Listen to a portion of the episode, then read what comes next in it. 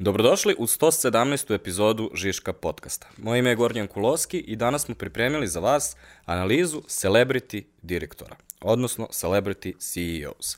Naime, možda ste primetili da se današnji tračevi ne vrte samo oko pevača i glumaca. Najveći razvod prošle godine je bio razvod između Billa i Melinda Gates. Najveći celebrity couple je bio Elon Musk i Grimes. A naj novopečeni astronauti su Jeff Bezos i Richard Branson. Dakle, sve neki direktori. Pa, šta to znači u stvari? Da li e, je ovo sada nova realnost? Da li, jedan, da li se očekuje od jednog direktora da bude celebrity? I kako su uopšte došli do svega ovoga? Pričam danas sa Anjom Škrbom, ovaj, koja postaje naš redovni celebrity korespondent, a ujedno ovaj, osoba sa kojom najviše volim da šerujem shit that Elon does. Vi slušate Šiško podcast. Ali pre toga, Škrba, hajde da pričamo o, da pokušamo kao samo da definišemo jasno o čemu pričamo. Znači, pričamo o ljudima koji su... Ne, ajde da definišemo o čemu ne pričamo. Ajde, to je bolje. Hajde malo da okrenemo, da. Znači, nećemo da pričamo o celebrity entrepreneurs, je li tako? Zato što smo već snimili taj podcast. Tako je, znači ako vas zanima o biznisu Beyoncé, Rihanna i ne znam koga se nisu spomenuli. Ryana gledajte... Reynoldsa jedno 20.000 puta. Da, znači gledajte taj podcast. Nećemo da pričamo o onim uh, likovima koji vas verovatno progone na svim socijalnim mrežama svojim oglasima gde kupujete master class po posebnoj ceni od ne znam ja koliko, da naučiš how to become a billionaire like myself. Znači, ti internet šibicari, kao što bi rekao Mario Vrećo, nećemo ni o njima da pričamo. Ali pričat ćemo o ljudima koji su osnovali svoje biznise i zbog uspeha tih biznisa su stvari postali poznati. Pričamo o ljudima kao što su Bill Gates, Elon Musk, Jeff Bezos, Richard Branson, Jack Dorsey, Jack Ma ali, ali i nekim lokalnim primjerima koje smo čuli za malo kasnije. Dopašćam se, sigurno sam. I um, ovaj, to je ipak kao, vidimo neku razliku između pristupa koji imaju ovi ljudi i neko kao što recimo Mark Zuckerberg, kao što je Steve Jobs bio dok je bio da. ovaj, živ, kao to su Larry Page i Sergey Brin koji su osnivači Google, to su ljudi koji su ipak povučeni i ne, ne, ne guraju se u taj celebrity da. svet. Znači, postoje ipak kao neka ono, razlika u pristoru, pristupu. Uh, I još jedna stvar koju smo ovaj, u stvari um, zakačili, to je fun fact kad smo ovaj, vezano za, kad smo istraživali u stvari ovo, a to je da smo našli u stvari jako malo žena koje u stvari upadaju u ovu kategoriju da. celebrity da, direktora. Da, najviše ih ima da su kao u prošloj kategoriji koje su u prošlom podcastu ovaj, uhvatile, to je celebrity entrepreneurs. Ima dosta onih koji su na poziciji direktora kao zaposlene, ali ne da spadaju pod ovu baš našu kategoriju. Da, to bi bilo ova, kako se zove, što je bila šef Yahoo-a, prešla iz Google-a, Meli, Melissa Meyer. Melissa, ona je sad COO Facebooka. Tako nešto. Da. Ove, ali imamo neke primere, recimo Sheryl Sandberg, koja je pisala onu knjigu Lean da. Uh, Brené Brown je nešto između influencera i ono, biznis lidera, biznis coacha, ano, možda. Pada mi na pamet Christine Lagarde, uh, koja je šefica MMF-a bila ovaj, dugo vremena, mislim da i dalje jeste. Dobro. Ove, Ariana Huffington možda? Da, Huffington Post. Mm -hmm. Imaš neki drugi startup koji ne mogu sada da se setiti. Ali uglavnom, um, ovaj, ono što sam, kada smo završili ovaj, to istraživanje, onda sam shvatio da neke stvari o kojima ćemo pričati su možda u stvari posledica mačizma, a ne toliko obavezno uloge CEO. I to mislim da je pogotovo istraženo kada budemo prešli ovaj, na pa, Srbiju. Pa, it's a business world, kao. Ali hajde prvo onda, jel smo uvatili neki novi fenomen ili je ovo od uvek postojalo? To je od uvek postojalo. Mislim, ako hoćeš samo je bitno da naglasim na kom nivou je u stvari to postojalo. Ok, znači, koga imamo od tih prvih likova koje bismo mogli sad spomenemo? Šta imamo? Da, nekog. Henry Ford. Dobro koji je imao svoje čuvene izjave vezane, ono, možeš da imaš bilo koji auto dokle god je crn. Reče čovek koji vozi Ford. Mhm. Mm Dobro. Mali crveni Ford. Ok, evo recimo njega kao primer, mislim kao taj period u kom je on postojao generalno, nisu to toliko tada ti mass mediji bili big deal kao što su sada. Drugačije je to bilo. Znaš, kao, odeš na neku predstavu, odeš na neki javni događaj, samo novine napišu izveštaj o tome, izađeš ono New York Times page 6 i to je to.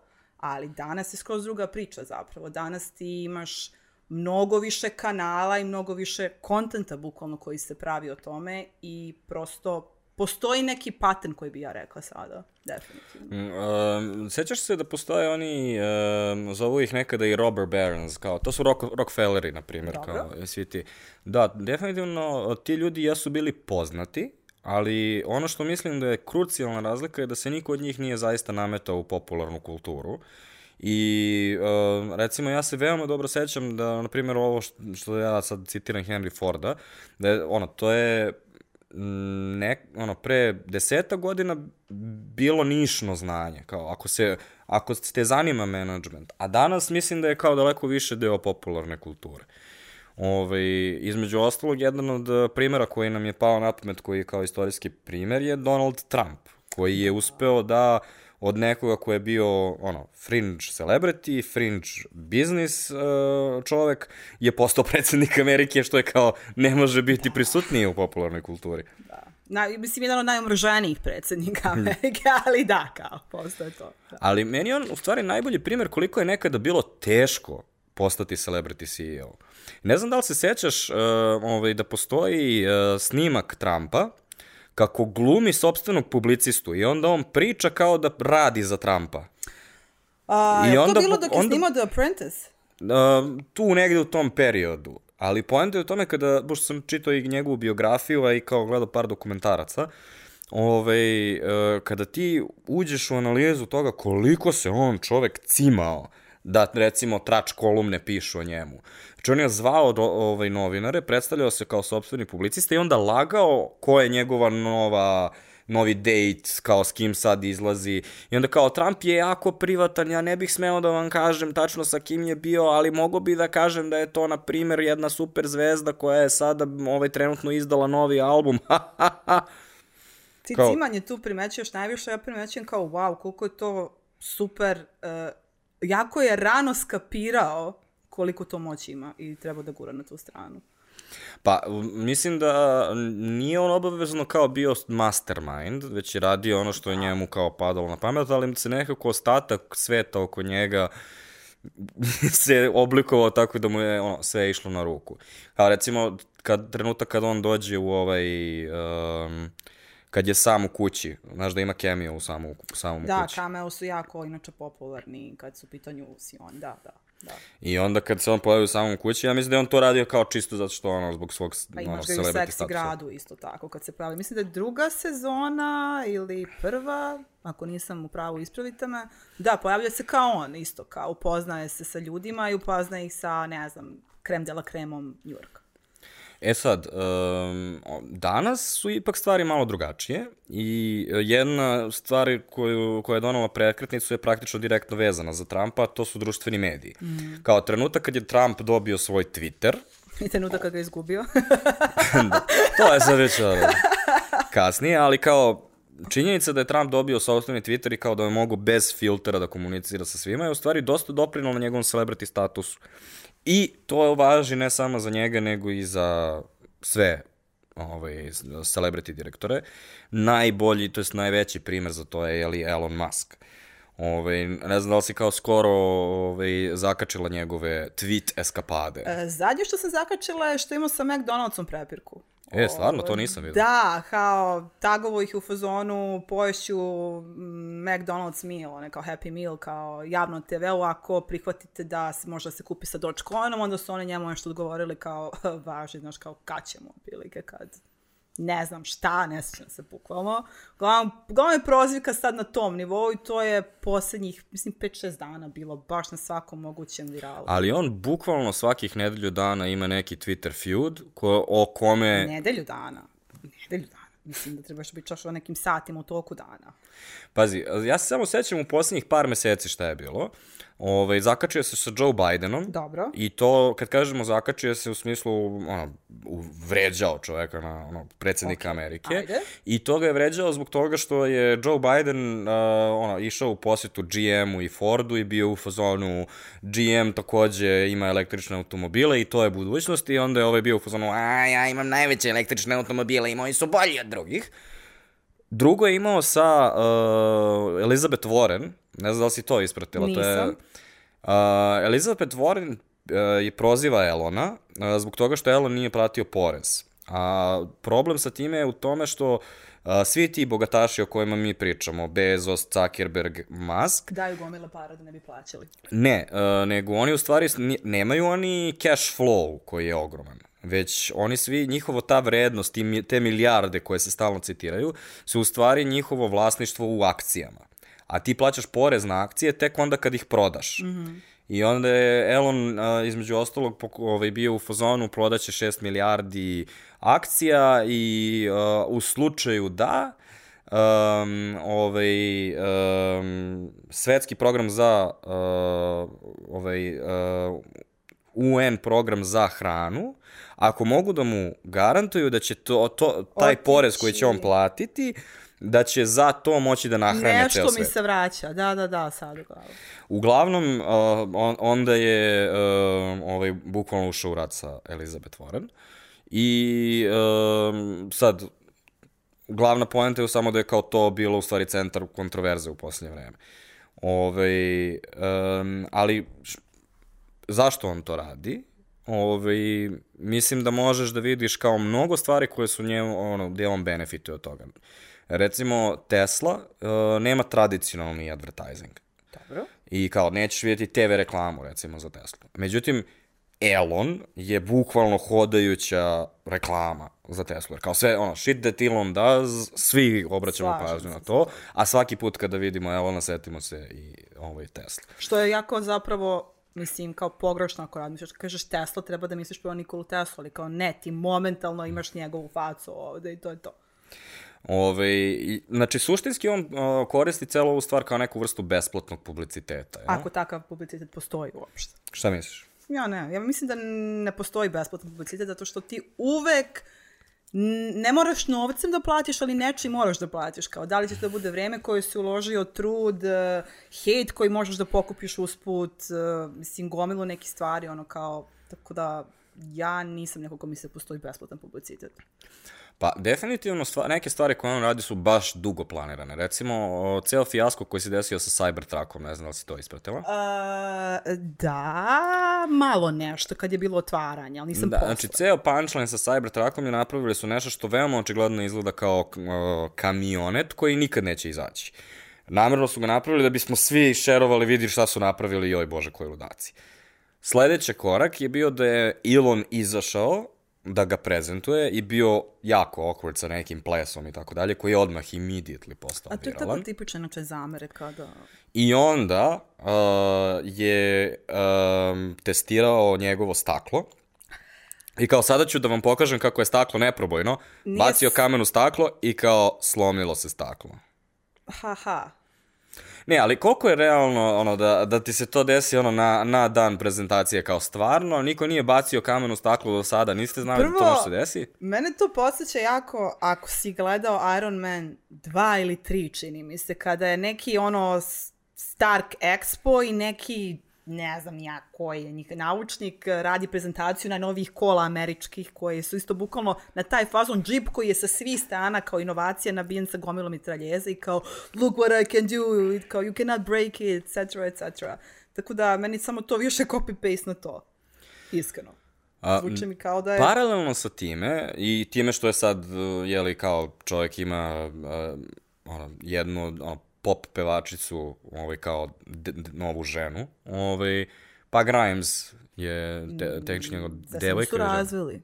E, pa ne znam, nisam ne pratim Kako toliko, ne, ali... to je bio TikTok, ono, kao trend. I to i Bill Gates i... Ne, da, razvio se Jason Momoa, to je TikTok trend. to je poslednji TikTok se razvio trend. nije TikTok To je trend. poslednji TikTok trend koji, naravno, da ja čekam kraj telefona da bude ring ring od njega, ali ništa od Jasona.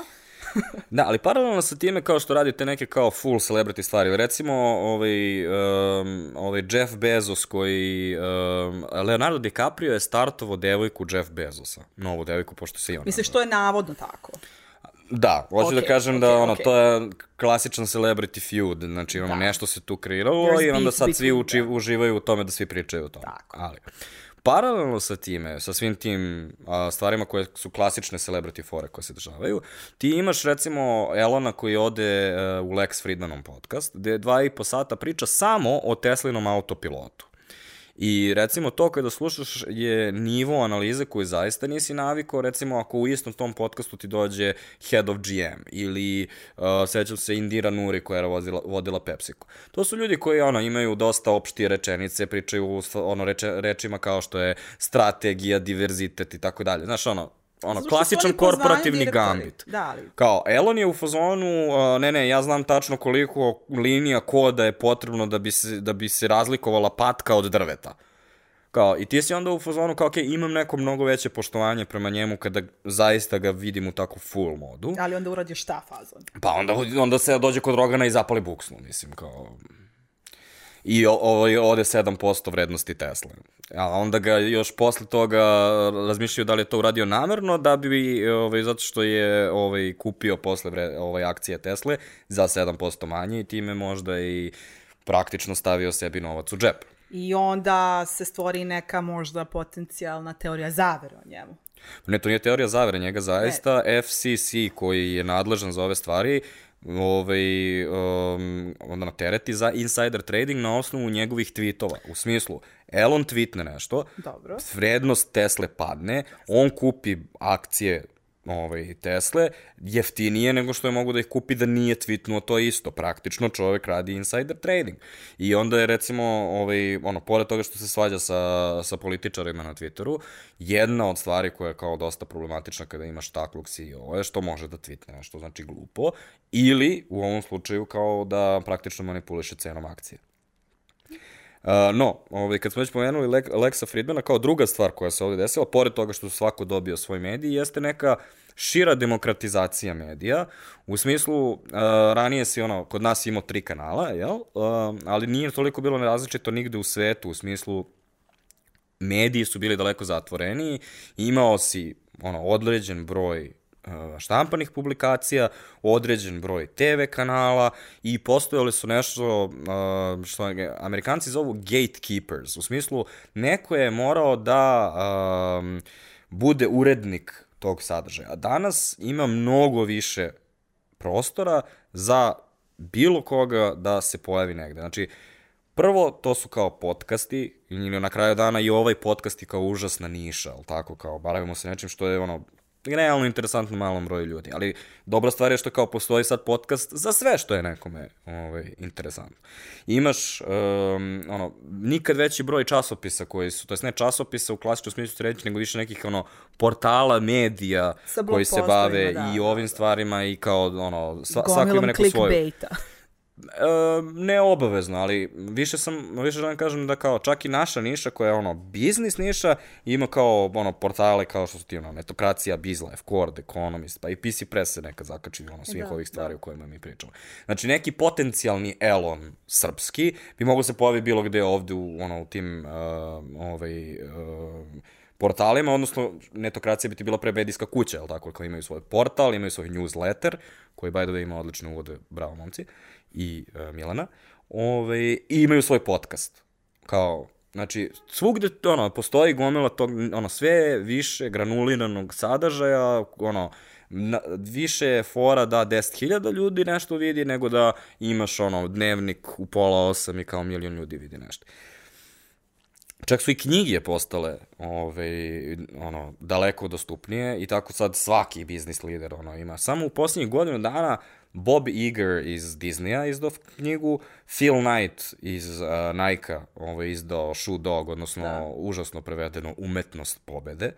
E, sad je izašao ovaj, No Rules Rules uh, ne, Netflix. o Netflixu, odnosno uh, ko, koji su pisali uh, CEO Netflixa i uh, ova istraživačka novinarka koja je radila Culture Code. Hoću da kažem da, ono, nikad je lakše da jedan CEO dođe do skoro pa slave. Kao ne obavezno kao da, da ima tu vrstu ono zdravko čolić slave kao što je nekad bilo, nego ono da dođe do nekog ono, prepoznatljivosti. Recimo, Sunčica Ilić nam se javila na, na LinkedIn pitanje i kao dala nam je Branka Milutinovića iz Nordeusa, Nenada Milanovića Clockify, Saša Popović Vega IT, Predrag Spasović Huluvu.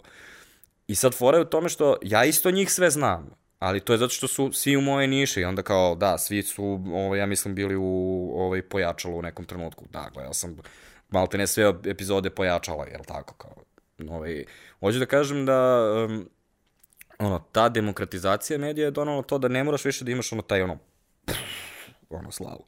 Ili ono, izvini, kao što da prekine, da kao možda jednostavnije razvijemo to da kao postoji način da oni prave kontent, kao što je recimo socijalna mreža, sami lično, i postoje drugi ljudi koji su na drugim socijalnim mrežama prave svoj kontent o njima. Jedno doprinosi drugom, tako da je to prosto došlo. I onda se to zarola i onda uh, u nekom trenutku se ono otrgne kontroli, a način na koji se otrgne kontroli jeste što realno tračarenje donosi klikove. I red, meni je tu najbolji primjer ono, domaći LinkedIn. Kao, ono, od nečega što je trebalo da bude mreža za uh, poslovnu, ono, uh, poslovnu komunikaciju, postoje ono Facebook 2012. godine. E, samo da znaš i strani LinkedIn ti je takav, imam dosta. Ne, ne, uopšte ne kažem, aha, da rekao sam domaći, izvinjavam Da, se. Ovo je komentar na LinkedIn uopšteno, Da. pošto između ostalog najveća inovacija 2021. godine su indici koji su provalili da možeš da kažeš da li praksa treba da bude plaćena i kao, ono, re, reci aplauz Like ako ako se misliš slažeš. da... Da. Ove, ali hoću da kažem da kao, ono, način na koji se koristi, ono, tipa vidio sam a, lika koji je objavio da mu se rodilo dete i dobio je 30.000 lajkova na LinkedInu. A počinje svoj post sa znam da je ovo LinkedIn i, i da ovo nije primjerano. To uvek imaš, to, je, to su oni ljudi, e, samo kažem što ih ja A. zovem, mrzim takve ljude, mislim da treba postoji poseban inače ovaj krug pakla za takve ljude. Ja se izvinjavam zbog toga, ali iskreno da budem.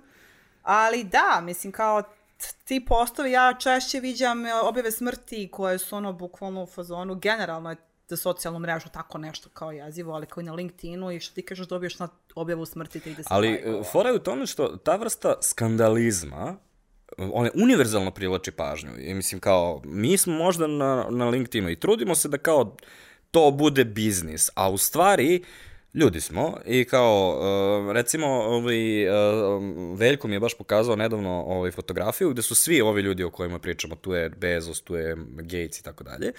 I sad s- slikali su ih u nekom vajbu kao da su ili X-Men ili um, ono društvo svetskih zlikovaca. Onako kao baš fancy fotografija.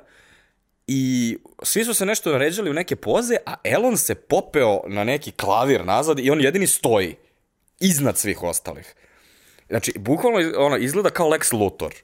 I sad, ja, na- to je bilo za možda Vanity Fair ili nešto tako. Ali razumeš, uh, to je ono što je interesantno, kao od njega počneš da praviš polako mim. I ono, tako počneš da praktično ih prebaciš polako u celebrity, dok na kraju ne dođe do full transformacije toga da postanu Dobro, ali meme. između imaš još par stvari koje ono vuku. Vrlo često u nekom momentu samo kreće njihovo ime da se spomenje konstantno vezano sa njihovom, njihovim biznisom svuda i onda kao kreće da se pojavljuju na tim velikim partijima kao što je Met Gala ili slično. Onda imaš uh, momente da kreću tračevi vezano da su u vezi s nekim celebrityjem iz entertainment sveta, što je inače vrlo slična taktika koja se koristi i za entertainment biznis. I onda ti naravno mora neki politički skandal, evo upravo si spomenuo, znači Elona, uh, mora jedan od dve teorije zavere, ne znam da li znate, ali navodno Elon je inače Srbim iz Republike Srpske, koliko Što sam ja, ja, stvarno čula. nisam znao dok ti nisi rekla. A, I naravno, jel to što Bill Gates hoće nas čipuje i šta god vakcinama. Meni Slavica je ovaj, rekla da to, ovaj, tačno ovaj, nju je želeo da čipuje sve. Pa Goranu Slavica sve treba da kaže. Hashtag demotivacija. Ove, e, da, i onda dođeš do toga da kao zatvoriš taj ono pun krug mima, jel? Nisam ga još završila. Možda imaš nekog stokera tu usput. Recimo, Ja. da, možda imaš nekog stokera. Evo kad smo ti kod Ilona, ovaj, baš situacija ima na Twitteru, nudio je 5000 dolara nekom klincu koji ima o svakom mogućem avionu koji celebrity neki posjeduje, uključujući u to i političare, kao što recimo bio ovaj, Trump, e, lokacije, kuda idu, kada, u koliko sati, što je malo kao, ako uzmeš da razmisliš kao creepy, jer baš daješ javno ono, kao lokaciju gdje sam u svakom momentu. I 5000 dolara mu je nudio, ili bi fuzonu, "Pff, ne. Znaš kao. Tako da, da, mora da postoji neki mini stalker vibe, generalno. A, postoji treća stvar koja je doprinala tome da se no, uopšte fenomen celebrity direktora napravi, a to je uh, široko gledano pobeda štrebera, odnosno ako se vratimo u 80-te, ili rane 90. Se sećaš koliko nije bilo cool da budeš direktor tehnološke kompanije, ja nos... Mislim, moja šta je bukvalno na, najbolji, najbolja slika? Jeff Bezos u vreme dok je u Amazonu, dok je onako proćelav. A što sad ima više kose, šta? Ne, dok je proćelav, sad je ćelav, ali je okay. nabildan Okay. i onako sa onim jednim nesimetričnim okom izgleda kao da bi mogao ono, da sažvaće čeličnu šipku, kao, ono, izgleda realno ono cool, a ono, kako je izgledao danas, to je savršena metafora za uopšte kao sliku jednog direktora tehnološke kompanije. Odnosno, hoćeš da kažeš there are no uh, ugly people, only poor people. Uh, sa jedne strane da, ovaj, ali sa druge strane uh, to da, uh, mislim, realno ima veze sa novcem, jer ono, Apsolutno ima smo... veze sa novcem. Ovaj, 80-ih se ne sećam, ne znam kako bih se ti sećao, iskreno, ali ajde rani 90-ih. Gledao sam Saved by the Bell i Prince of Bel-Air. Naravno da, ali kao, to nema veze sa generalno tim vremenom. Karma, Ali karma, karma, karma, karma, karma. Vidiš, znam sve, sve znam ko sam go. Ok. Uh, da, uh, bilo je baš jezivo ako si kao nerd, što ti kažeš ono, uh, uglavnom su prikazani kao neki prljavi likovi koji su totalni luzeri i Ameri su bilo jako ono bullying ka njima okrenuti. I onda se u nekom momentu dešava ta bukvalno ekspanzija E, tehnologije. e, taj štreber će najvratnije zaradi milijardu dolara. Sigurno još žene će tipa neku ono najveću moguću zvezdu u tom momentu. I kao dešava se taj shift, bukvalno jer dolazi do potpune ekspanzije tehnologije i interneta, otvaraju se njima vrata da oni te svoje ideje, vizije koje su imali pretvore u biznise, koji su poprilično ono kao money making uh, kind of businesses. Jel te, mo, znači, ko što si rekao, novac znači moć, moć znači seksi, jer takvom vremenu živimo i pošto, da citiram Sherlocka, ono kao brainy is the new sexy, eto nas tu danas da jesmo, gde su si oni extremely uh, popularni i poželjni. Mada do duše nisi citirala Sherlocka nego Benedikta Cumberbatcha koji um, je- glumi Sherlocka, a čovek sa takvim Whatever. jagodičnim kostima Znači- realno bi uvek bio seks. Dobro, to jeste, a kad ti to priznaš, to je respekt. Evo, da. Hvala, hvala. Ove, uh, ali takođe to se vidi i u ovaj hipsterizmu koji je kao bio cool pokret tog doba, a u stvari kad pogledaš prosječnog hipstera, on u stvari je obučen praktično kao štreber iz 80-ih sa ono par ono, različitih stvari. Odmah ću da ti ispravim prosječan hipster, znači moraš da znaš da postoji razlika. Kao, da li si ono berlinski kind of hipster koji je zaista prljav, jadan i kao živi po nekom skroz svom vajbu ili si upravo taj hipster kog ti opisuješ koji ono vozi svoje električne kola, pijem svoj makijato sa sojom i nosim kariranu košuljicu sa... Slažem se sa time, ali da, više mislim na uh, generalno, ako pogledaš um, st- um, elemente koje su uzeti Jest. sa aspekta mode. Jest. To, pričali smo o karirnim košuljama. Da. Karirne košulje New jesu bile... Balansice, ne znam, ono kao te naočare za vid koje ni ne moraju postale, da budu. Da, naočare su postale kao nezaobilazni Tako je. asesoar, a u 80. i 90. su bile tretirane kao Da, da. ono, samo se seti koliko ono ljudi je kao imalo sočiva. Ma Ono. gde, kao sad ti se samo koliko dece je bilo mučenika prozivano u škole ako nosi naočare, ono, katastrofa.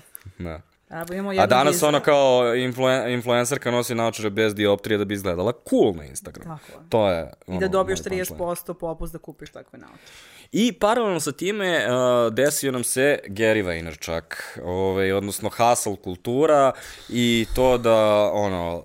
Uh, Izvini, ja je- već dobijem ono kao ospice, kaže šta sa kulture, ja sam već u fazonu, ja. Pazi, radili smo mi celu epizodu o tome zašto je hustle kultura ovaj, loša. Ispratila sam. Ovaj, I to možete poslušati, ali postoji i flip side, kao dobra stvar je, sa, ono, dobra poruka hustle kulture je, ajde da, ono, uh, ohrabrimo ljude da mogu da preuzmu više odgovornosti za sopstvenu sudbinu. I da, se više trude. Da, i da ono, možeš da počneš svoj biznis. Moguće je. Evo ti ono 60 dobrih primjera i tako dalje. Znači u najboljem, znači ti možeš da kažeš da je i pojačalo, na primjer, izraz hustle kulture. Jer šta je to nego svake nedelje neko drugi ispriča priču kako je uspeo.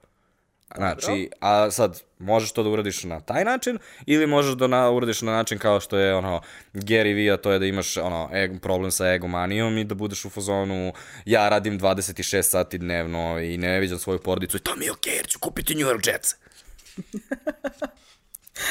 Ove, I sad kad znamo šta se desilo, šta je tvoj, šta je tvoja ono, presuda u neku ruku?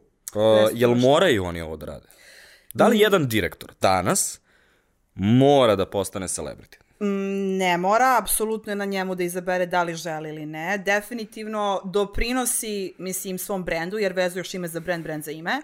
Ali kao, mislim samo da ako se odluče da to kao krenu tim putem i da žele da bude celebrity, ovaj, treba samo da budu vrlo svesni svog plus i minusa toga što to vuče jedno sa drugim. I kao, to je moje lično mišljenje u tome. Pazi, um, moje je da ovo je definitivno jedan od alata koji su mogući. I recimo, um, mi kad radimo employer branding projekte, Ove, jako često imamo ovu diskusiju iz prostog razloga što... Možda da objasniš šta je employer branding za one koji nisu znali. Imamo ceo podcast o tome, a ja verujem da kao ljudi koji ovaj podcast prate ipak Kakav znaju. Kakav si ti, eve, bacam, neverovatno. Ove, uh, employer branding u suštini pozicioniranje pos, poslodavca. Da li ti želiš da radiš u nekoj kompaniji ili ne? Znači, nećeš samo da ideš ono random i da pošalješ na svaki oglas na infostudu da pošalješ uh, CV, nego ćeš ono, želiš da radiš u nekim kompanijama, u nekim ne. I Elon je odličan primer za to. Znači, Tesla, deo njihovog employer brenda je sve što Elon radi. I dobro i loše. I ja sam siguran da kada ti opet vidiš Elona u najboljem izdanju, kao što je bio kod Friedmana, gde je ono pričao o Teslinom autopilotu, da kada vidiš da jedan CEO se to, ono, toliko razume u to i toliko poštuje rad svih inženjera koji se ovaj, bave time, da imaš daleko veću želju da radiš u takvoj kompaniji nego kada imaš uh, kompaniju koju vodi Mark Zuckerberg recimo tre, ovaj trenutno koga ono u najboljem razlače po ovaj kongresu um, da ne, ono kaže I'm sorry I don't have an answer to that question uh, 300.000 Da ili pravi od njega mim što je stavio previše kreme za zaštitu od sunca na facu. Da, ali postoji i ono svi ove stvari o kojima smo pričali o demokratizaciji medija. Ti moraš nekoga da staviš u podcast ako želiš da iskoristiš podcast kao medijum da promovišeš svoju kompaniju. Ti, neko mora da potpiše blog kompanije ili ono će, ako ga pustiš da bude amorfna masa, koja se zove kompanija koja bloguje. Izvini, ali amorfna masa. pa amorfna masa kompanija brand je Jasno. napisala blog okay. kao nobody cares, right? Ali ono um, CEO kompanije je na ona dao svoje mišljenje je ipak nešto što ona daleko više da. želim da vidim postoji i sa aspekta LinkedIna postoji jedan ono algoritamski hack, a to je da uh, privatni profili imaju daleko veći uh, ono engagement rate u proseku nego profila, biznis yes. profili. I onda mi dođemo i kažemo, ok, um, ono, jel može vaš direktor da postane Mečka Božana? Ove, da ga vodimo na vašar, ove, uh, da, da džuska pred uh, narod. Jer Kao, to je jedan od alata koji ti je na raspolaganju. E sad, da li ćeš i koliko ćeš dozirati to, mislim da, da jeste ono pitanje koje treba da, da razmisliš. I recimo najbolji primjer za to mi je ono Dejan Turk. Dejan Turk, uh, CEO A1, uh, A1 Srbija i Slovenija. Dobro. Ovaj, je po meni kao tačno na granici toga da postane celebrity. Ali on se, on je ono, najpoznatiji direktor u našoj niši, ali nikad ne pređe dalje od toga. Kao, nikad ne radi stvari koje ono, nisu ono što se očekuješ od jednog direktora. Kao, tipa, pojavit će se u pojačalu, ali neće otići u Agelast, na primjer. Razumeš? Možda i hoće ono, u budućnosti, ali... Zato što targetira tako, razmisli, kao možda... Ne, ne, to hoću kažem, ono, definitivno je promišljeno mm -hmm. i hoću mhm. kažem, to mi je neki, ono, ovaj, neko ko razmišlja, ono, o balansu, ovaj, dobro. Ovaj, ali kao, šta, šta je ono sa čime treba da, da, da razmišljaš? Prvo, razmišljaš o tome da ono koliko uh, je to zaista ima udar na tvoj biznis. Uh, šta može najgore da se desi? Najgore što može desiti, znači da čovjek izvadi joint i ono popuši pred ono, 15 miliona gledalaca, ovaj, nešto što je ilegalna substanca i dalje u 50% ovaj, savezne države. Um, ovaj, sa druge strane, uh, Mislim da postoji i opasnost um, da ono, umesto toga da se baviš menadžmentom, počneš da se baviš samo, ono, kreiranjem sobstvene ličnosti. Da. I onda imaš uh, ovo što se desilo sa Teranosom i Elizabeth Holmes, koja je veoma brižljivo ono, kultivisala svoj etos osnivača, nosila rolke, pričala dubokim glasom i sve to, a u suštini nije se bavila zaista menadžmentom i kreiranjem proizvoda. Ili slična stvar kao ono, Adam Neumann koji je vodio WeWork, a WeWork za koji kao se predstavljao kao tech kompanija, u stvari je samo bio kao iznajmljivanje kancelarija koje oni refurbishuju. Ali zbog toga što je Adam ono, uh, nastupao kao tech CEO, su ih svi posmatrali dosta, dosta drugačije, što je imalo super ovaj, radilo neko vreme, ali onda kad je došao crash, ovaj, se otkrilo koliko ono ti u stvari još brže se otkrilo koliko ono svi propusti u men, njegovom menadžmentu. Ove, tako da, da, ove, rekao bih da je ono, ono, presuda moraju ili ne moraju je, uh, moraju sa zvezdicom. Kao, moraju, ali pitanje je koliko. Da li baš ovoliko? Uradite Ovaj, pros and su- cons, možda to kao najbolji savjet. Nek urade pros and cons u svakom smislu i kao nek vidi. Pa pazi, jedna od stvari koja je najveći pros and cons, i to sad prelazimo na, na naše srpske primere koje ćemo analizirati, ali najveći pros and cons koji e, u stvari imaju internacionalni direktori, odnosno realno većina ovih koji smo pričali su Amerikanci, pomenuli smo Jack Ma koji je Kinez, ali... Da, ali... Ali, oni su svi u stvari direktori kompanija koji su na berzi. Da. Znači, javno se trguje sa tim akcijama. Tako da, njihova persona ima mnogo više uticaja na performans ne samo kompanije, nego i te akcije, a ta akcija, zdravlje akcije, odnosno rast cene akcije, je direktno vezana za njihov performans kao direktora. Tako da, tu imaš direktnu vezu između toga da oni moraju da budu, ono, da imaju javne nastupe i njihovog posla. Svi naši ljudi o kojima ćemo sada isključivo pričati, vlasnici svojih biznisa i to je njihov biznis i kao to je, mislim, glavna i razlika zapravo. Ove, i da počnemo onda. Koga ćemo prvo? Srbija! Ajde, koga ćeš prvo? U, Željko Mitrović. Ajde.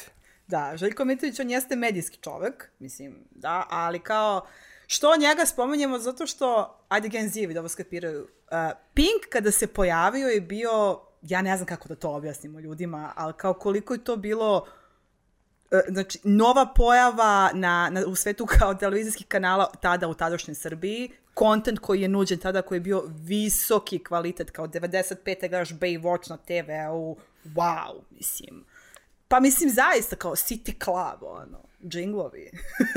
A sve je počelo i od radija, u stvari. Mislim, kao koji je Jeste, takođe nudio jeste. ono malo drugačiju muziku nego bilo koji drugi radio Jeste, tada. da, on je prvi možda lik koga bi ja na to navela. Ali da, sa velikom ono, zvezdicom toga da kao nije on od uvek ovaj, prodavao leteće automobile i ozonizatore, nego nekada se bavio sobstvenim biznisom. Kao. I nekada je bio jako dobar u tome. Takođe, šta je bilo sa njegovom aviokompanijom? Sećaš Airpinka? Ja, da! Kako se... Koga znamo samo zato što su bile reklame na, Air, na Naravno. Pinku za Airpink. Ne znam šta se desilo, ali znam samo da je u momentu fokusa toga otišao da- i da je on odlučio da baci fokus na gomilu Pink novih kanala, Pink ne znam šta, A to je muzik, opet Pink ova vrsta uh, demokratizacije medija, odnosno razdroćkavanja medijske slike, a to je da sad imaš Pink Movies 1 do 6 i kao Da, vrte ali se on šest- tada na Pink Moviesu bukvalno stavljaš filmove koji su 96. Da, da. kad ti se pojavio bili. Mislim kao... Znaš, Ovaj, nije to više ono zlatno doba Roberta odavno, Nemečeka. Da. Ovaj, Elem, uh, idemo dalje. Uh, Bogoljub Karić. Da, BK. Da. Pa isto tako, ovaj, ono, danas uh, ne, znači nešto ono totalno drugačije, jel? Ako je Kao nekoga posle i znao, političke da. karijere, posle ovaj, egzila, posle TikTok profila. Da, ima TikTok. Ove, ali kao u vreme, ono, 90-ih, Da, kao jako. napravio BK televiziju BK to vreme TV imala je bila, kao... mislim, posla Pinka druga po redu televizija koja je imala jako originalan sadržaj, edukativni sadržaj, toliko je produkcija bila vis, na visokom nivou, stvarno na svako, za svaku pohvalu, ono, kao... Ali da, on bi bio neki pandem u stvari srpskog Donalda Trumpa, samo bez toliko hejta. Mm, pa zavisi, ili sa mnogo... Mislim, ha, da je postao predsednik zaista, u ono vreme kad je mahao Da, ali salatom. kao čim je ušao u politiku, da, neki... Ne, zamisli neko- da je postao predsednik, znači, mislim, to je ono alternativni univerzum, ali, ovaj, mislim, verovatno ne bi bio toliko, kad, ba da je pitanje koliko je Trump bio zaista katastrofa, koliko je samo ono, bio medijski, ono, ovaj, uh, E, ulazimo, u- ulazimo u temu. Da, ovaj, od, odemo nazad na Donalda Trumpa, a cela, e, cela poenta je bila da završimo ovaj walk down memory lane. E, javili su nam se još Pavle Pešić, Marko Matejić i Ana Boroš Todić. I ovaj, e, vratili su nam još neke flashbackove. Da li si spremna? O moj Bože, da. E, gospođa Božen. ja, Božen Cosmetics. Da, Bata Kan Kan. Pa takanka. Da, e, ne znam da li bi Boris Bizetić... e, Ja bih ga uvek stavila u sve. On je u svakom našem podcastu Da, primer za da. sve, ali tehnički on bi bio u stvari celebrity entrepreneur, odnosno on bi bio primer celebritija koji je otvorio posle kompaniju ili Spomenuli kupio smo ga nešto, tada, da. da. Ovaj, ali znaš ko bi u stvari bio ono, primer koji uh, ti će ti ono, polomiti mozak? A, iz prošlosti. Jezdimir Vasiljević. Jezda, da fina jezda. Da. On je bio čovjek koji je bio biznismen, postao Da. celebrity i cijela njegova prevara je uspela Da. zbog toga što je on bio celebrity. Da. Znači, Tehnički, on je najuspešniji primer, a, mislim, Celebrity direktora. pa, za njega lično. Okej, okej, okej. Ovaj, uh, Filip Cepter. Mhm. Da. Ovaj, Ne uh, znaš ženo prezime? Ne znam. Ja ga po ovaj, tome pamtim, izvinjavam I to je još, ono, još jedan od tih, ono, ovaj, meni, ne, nekako, zve, ono, zve, ne, ostao mi u nostalgiji, nemam, nemam toliko, nemam toliko informacija, niti mi je, ono, na radaru trenutno, da bih mogao da ga analiziram. Ovo, ili recimo šta se desilo sa Milkom Forcan, koja je bila jedna od najpoznatijih žena direktora u A, neko da, ne znam, bukvalno. Ovaj, nego kad smo već kod nje, ovaj, da li si pratila šta Miroslav Mišković radi u prethodno vreme? Na LinkedInu da. Mislim, sad ne toliko, ali kao ono kad je krenuo, pratila sam iz više razloga, da. da. Što? Pa prvo zato što je počeo stalno mi se pojavljuje na feedu, drugo što mi je bilo interesantno što je neko tih godina krenuo na taj način. na Meni je to, ja, meni je tako žao što to nije zaživelo. Ili možda jeste zaživelo, mi ni kao nestalo sa radara, ali uh, taj uh, trenutak njega koji je tih godina, ovaj, Meni koji ono, otvoreno priča u kameru sa svojim LinkedIn pratiocima, je bio ono baš, uh, ono, content kakvog nema. Da. I naravno, mislim, ne možeš da ne primetiš ono kao gomilu feud koji je izašao iz njega i negativnih komentara. Čak i od ljudi koje mi poznajemo, koji su ušli baš onako direktno ovaj, raspravu sa njim. Tako da, zbog toga sam ga primetila, da, definitivno. Ovaj, također čovjek koji je izdao svoju knjigu, mada um, ovaj, ta knjiga je onako miks biznis saveta, od kojih nisam siguran koliko su i, ono, i dalje relevantni, jer on je pokrio praktično celu svoju karijeru, tako da delovi toga su, ono, mislim, dosta prevaziđeni. Nisam čitala. Ovaj, um, ali uh, delovi toga su vezani za njega kao javnu osobu i kao Ali ono, mislim da se sećam uh, naziva te knjige, što je jako Pa pečatio. naziv je po, poprilično vezan Da. za njegovu Okej, javnu okej, ličnost, ali u stvari to je klasična biografija koja ono, u jednoj ludoj Srbiji to ti je umetnost pobede Fila Knighta. Ove, uh, ali kad smo već kod uh, knjiga, iza tebe stoje Medvedi na putu i Bojan Leković koji je bio kod nas u podcastu isto kad je lansirao knjigu. Gledala podcast, nisam čitala knjigu, ali koristim, kupujem i prodajem. Ove, pazi, knjiga je u stvari, ono, ja bih rekao, pošto ono, čitamo dosta biznis knjiga, ono, dosta solidna knjiga, onako na ono, svetskom nivou. Mislim, čovjek je ono, iskoristio dobru dozu onoga što je kao napravilo kupujem prodajem u smislu ono, e, njegovog iskustva, ali je to ipak i ono, dodao je neke stvari koje su kao filozofija biznisa, što je ono od čega pate sve autobiografije. Recimo, čitao sam Uh, Elonovu, mislim da isto stoji negdje iza tebe, uh, priča o Elonu Masku, mislim da se zove. To je katastrofa jedna od knjige, zato što je samo faktografska, ono, desilo se ovo, desilo se ovo, onda je on otišao ovde, onda je prodao za ovoliko i tako Onda je dalje. baš ima loše ghostwritera. Uh, da, ali mislim, takođe je pitanje kao šta, kako ti usmeriš ghostwriter, odnosno šta želiš da on ovaj, prenese. Možda nije bio Recimo, zainteresovan čak i jedna od najboljih knjiga je ovaj, Steve Jobsova biografija koju je radio Walter Isaacson, ovaj, koja ima 700 i nešto strana i meni su recimo prvih 300 strana te faktografije Steve Jobsovog života totalno nebitne. Međutim, ono što Isaacson radi veoma dobro je on onda analizira ličnost ne samo kao osobu, nego kao um, ili umetnika ili biznismena, odnosno št- kako je ta osoba pristupala biznisu. E, onda, bukvalno posle 300. strane, kada krene da se bavi biznismenom Steveom Jobsom, postaje odlična knjiga. Tako da i dalje imaš 400 strana odlične knjige, jel? Pročitat ću kad bude imala vremena. Ove, da. Um, LinkedIn, uh, ovaj, uh, najpoznatiji direktor na LinkedInu. Na LinkedInu najpozna... Ja. Ove, Vesa Jevrosimović, uh, Comtrade. With all due respect, kao, da. Znači, šta je s postovi? Ove, uh, to je pitanje koje sam kao dosta često ove, čuo se ove, postavlja i sa jedne strane mogu totalno da razumem da kao doneseš stratešku odluku da se fokusiraš na engagement, zbog toga što će engagement dovesti do prepoznatljivosti. Između ostalog, ispričala sam i ti ne pratiš Vesu Da, ja ne pratim, ali meni se često dešava da mi iskoči ono kao na feedu uh, nekog mojih koji, ko, s kojima sam ovaj, povezana da lajkuju nešto njegovo, neki post, ali taj post mi je toliko ono nebitan. ne Mislim... samo, ovaj, nego ne donosi ništa što je originalno niti vezano za Vesu, niti vezano za Comtrade. Ali, sa aspekta toga, ako postaviš strategiju, potrebno mi je što više lajkova, da me vidi što veći broj ljudi. To je neosporno najuspešnija strategija jednog direktora kojeg, koji treba da, da. Znači on, ono, kad bismo jednostavno daj da ga merimo KPI, Dobro. on ima sigurno najveći, najveći broj lajkova to. i kao posledicu toga naj, najveći reach na LinkedInu. Poprilično sam siguran. A možda da on u stvari samo najbolje razume kao, mislim, te, kao, kao engagement. Sve zavisi šta želiš da postigneš. I to je recimo sad flip side toga, je to što, no, to što je bila tvoja inicijalna reakcija, pošto mi radimo dosta employer brandinga, onda neminovno Vesin LinkedIn profil uh, ispadne kao jedna od tema o kojoj se priča. Aha. I ono što ja znam je kao ovaj, da ono, ljudi koji ima ono, recimo potencijalni poslodavac ili koji bi možda bili top talenti koji bi on trebao da re, teo, hteo da regretuje kao jedne od možda ono lidera za neku novu novi deo Comtrade-a koji bi želeo pravi potencijalno kao ono ultimativni cilj nekog employer brandinga i kao posledica toga tog LinkedIn profila znam da reaguju loše na to, jer sam to ono pitao više puta i kao pričao so sa ljudima. So it's not just me, great.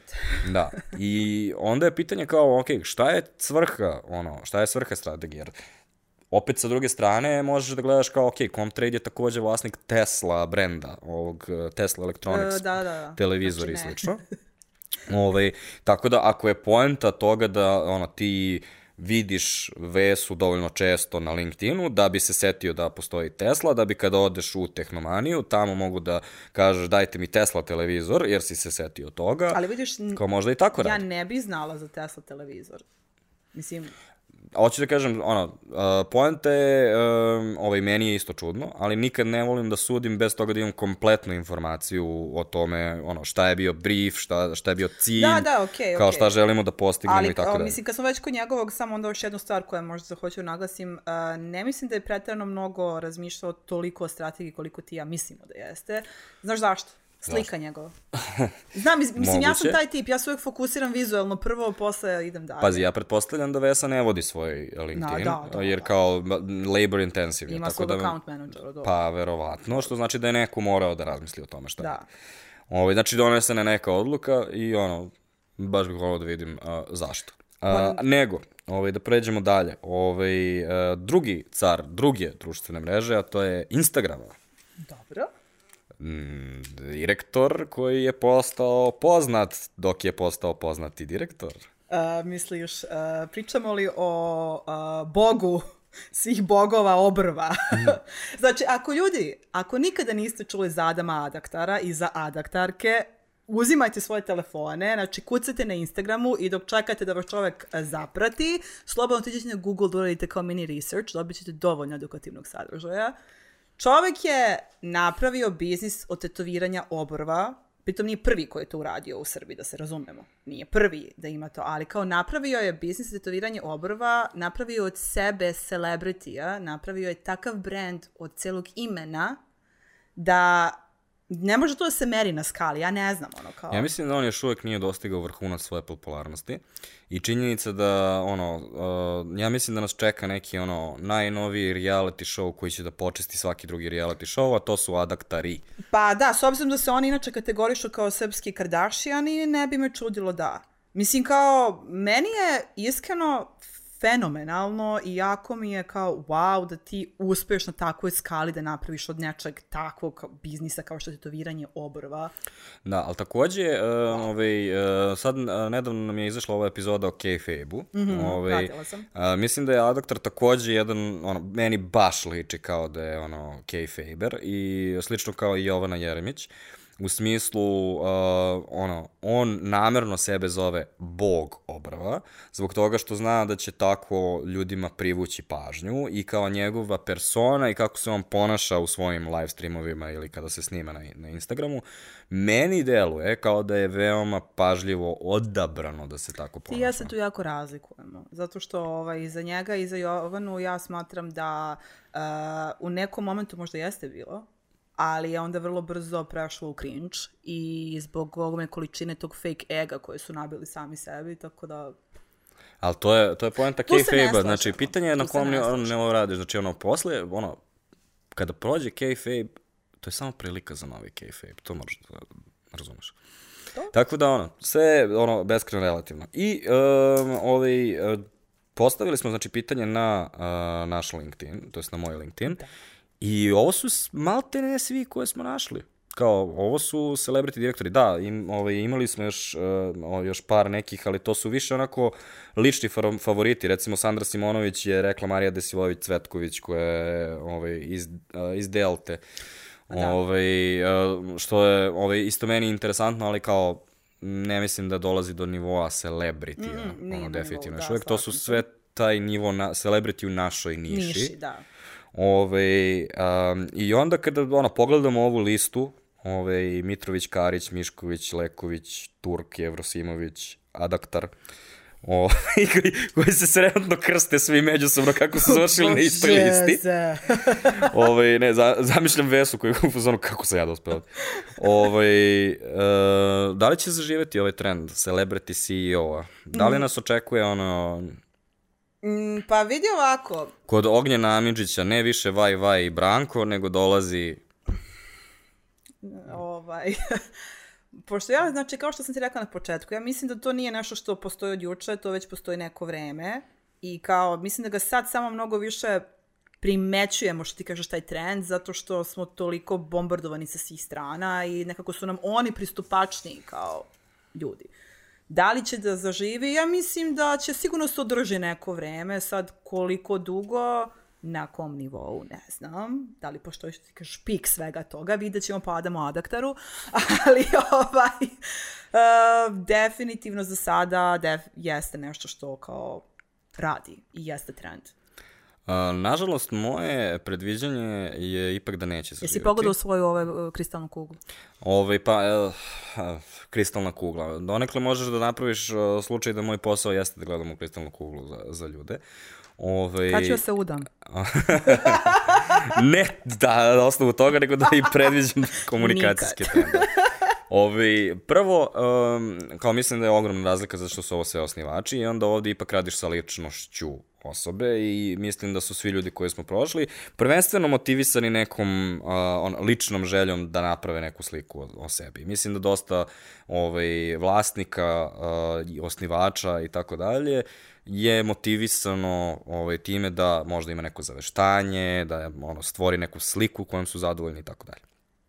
Druga stvar za kojih mislim da ovo neće zaživeti je što smo mi po prirodi komunikacijski baš konzervativno tržište.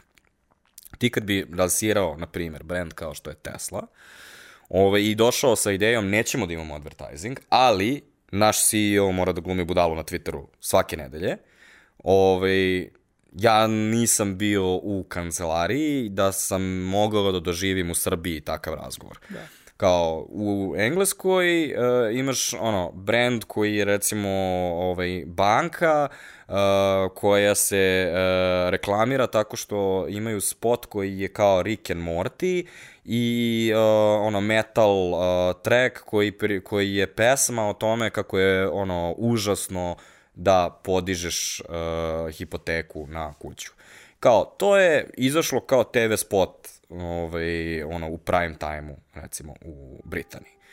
I kao to ima, ono, nekako ovde, ono, komunikacijski mi smo kao društvo prvenstveno konzervativni, pa onda kao komunikacijski smo dosta isto ovaj, stegnuti. I onda ne verujem da postoji, uh, ono, da, da iz ove kulture može da se izrodi tako neki ovaj CEO koji bi bio toliko slobodan. Um, pada mi sad na, na, na pamet recimo ovaj čovjek koga smo zaboravili, to je ovaj Branimir koji radi isto ovu um, Fee Academy. Uh... Da, ovaj, on bi recimo bio naj... A? Ne, Fee Academy, ovaj, koji je um, radi ove kozmetiku. Ovaj, ali on radi na globalnom nivou, tako da opet nije fokusiran na Srbiju, zato mi nije bio dobar primjer.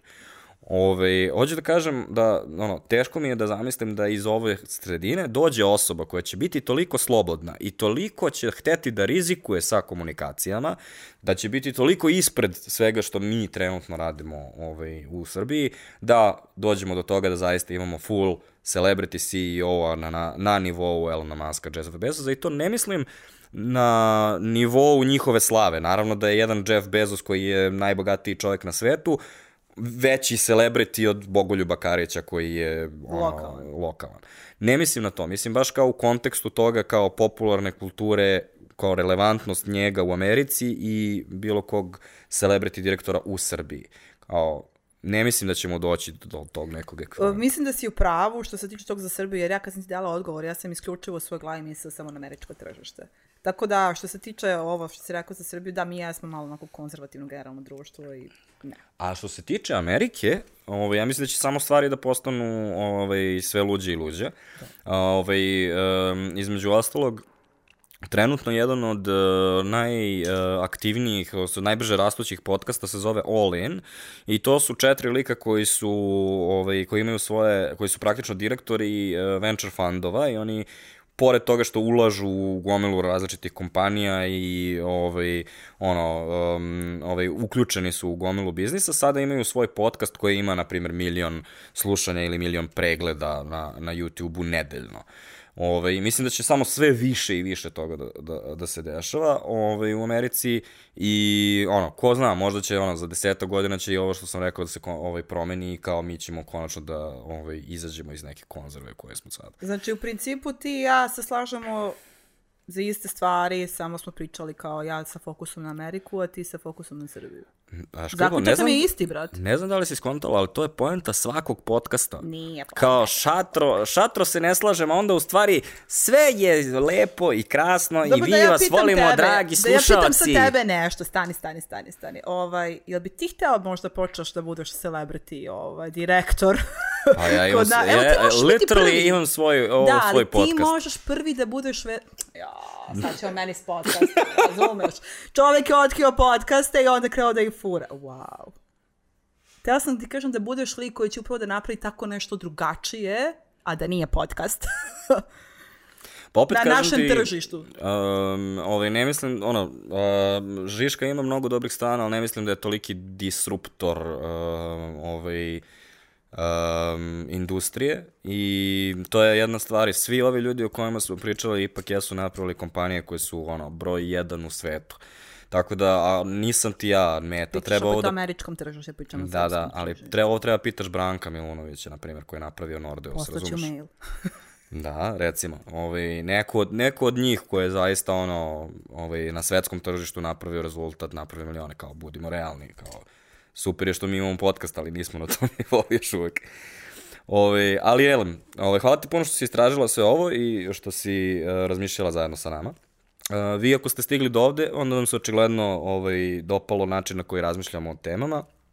Tako da nas zapratite na našem YouTube kanalu ili na bilo kojoj audio platformi. Svake nedelje izlazi nova epizoda neke slične sadržine. Uh, Ove, takođe, naše teme ne zastarevaju, tako da ako vam se dopao ovaj razgovor, imate veoma sličnu epizodu, broj 99 o celebrity preduzetnicima, znači Boris Bizetić.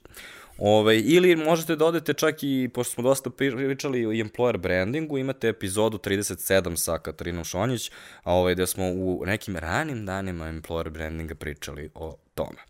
Ove, hvala vam puno što ste slušali, a ja od sada da pokušam da upecam neku novu žrtvu, da spremi neku novu temu. Vi slušate Žiško podcast.